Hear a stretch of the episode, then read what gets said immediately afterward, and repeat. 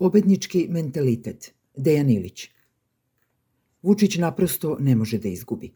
To naravno nije tako zbog njegove visprenosti ili mudrosti ili neke druge super sposobnosti. Uopšte ne. To je tako zato što on i svoje poraze proglašava pobedama.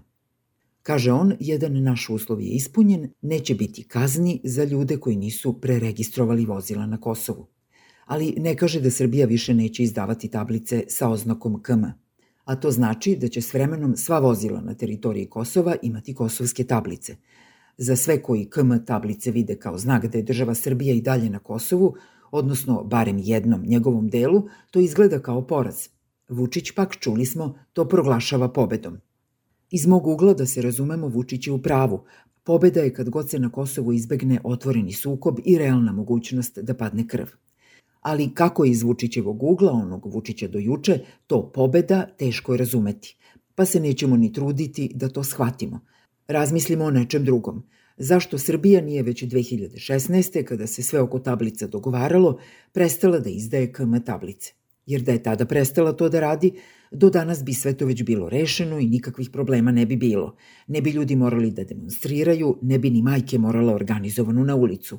U miru bi ljudi gledali svoja posla ali otkuda nam pada na pamet da je režimu s Vučićem na čelu cilj miran život ljudi na Kosovu ili u Srbiji, svejedno.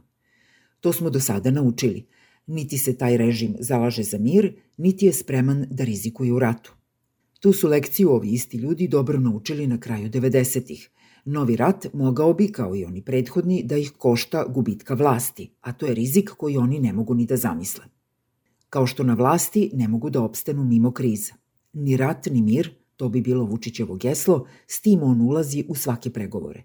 Njega ne zanima ishod pregovora, njihov krajnji rezultat, on bi samo da produži pregovore u nedogled, jer za njega su pregovori isto što i kriza, to jest instrument za generisanje krize.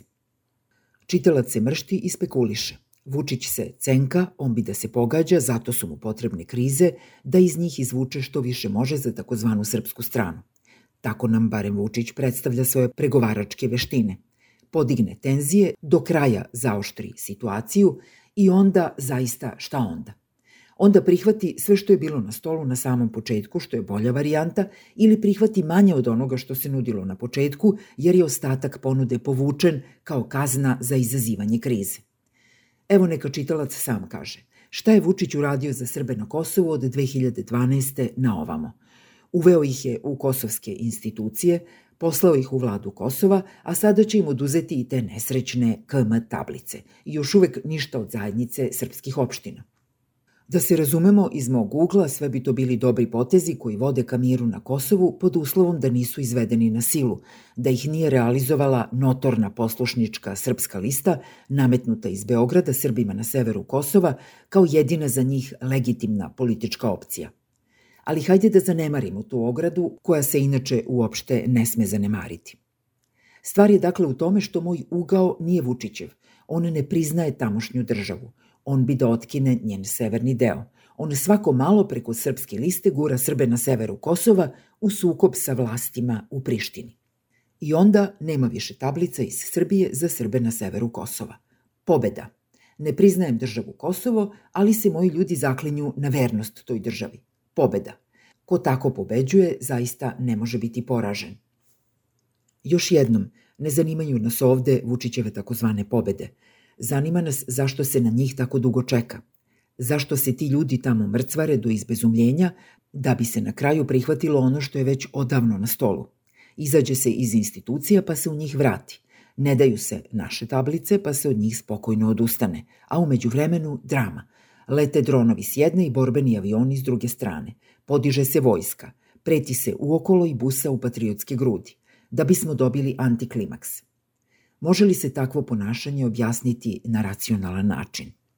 Ne naravno iz ugla Vučića, nego iz ugla žitelja na Kosovu i u Srbiji. Kakvog sve to smisla ima? Dok tražimo taj smisao, primetimo jedan zaista istorijski Vučićev preokret – Nekada davno, jedna bitka na Kosovu u najmanju ruku završila se neodlučeno, ako nije bila i pobeda ondašnje srpske vojske nad otomanskim osvajačem. Ali u domaćem predanju ona ostala zapamćena kao izgubljena, iako da ponovimo to nije bio poraz. Danas pak očigledne diplomatske poraze Vučić izričito proglašava za pobede. S tim njegovim pobedničkim mentalitetom porazi su zagarantovani.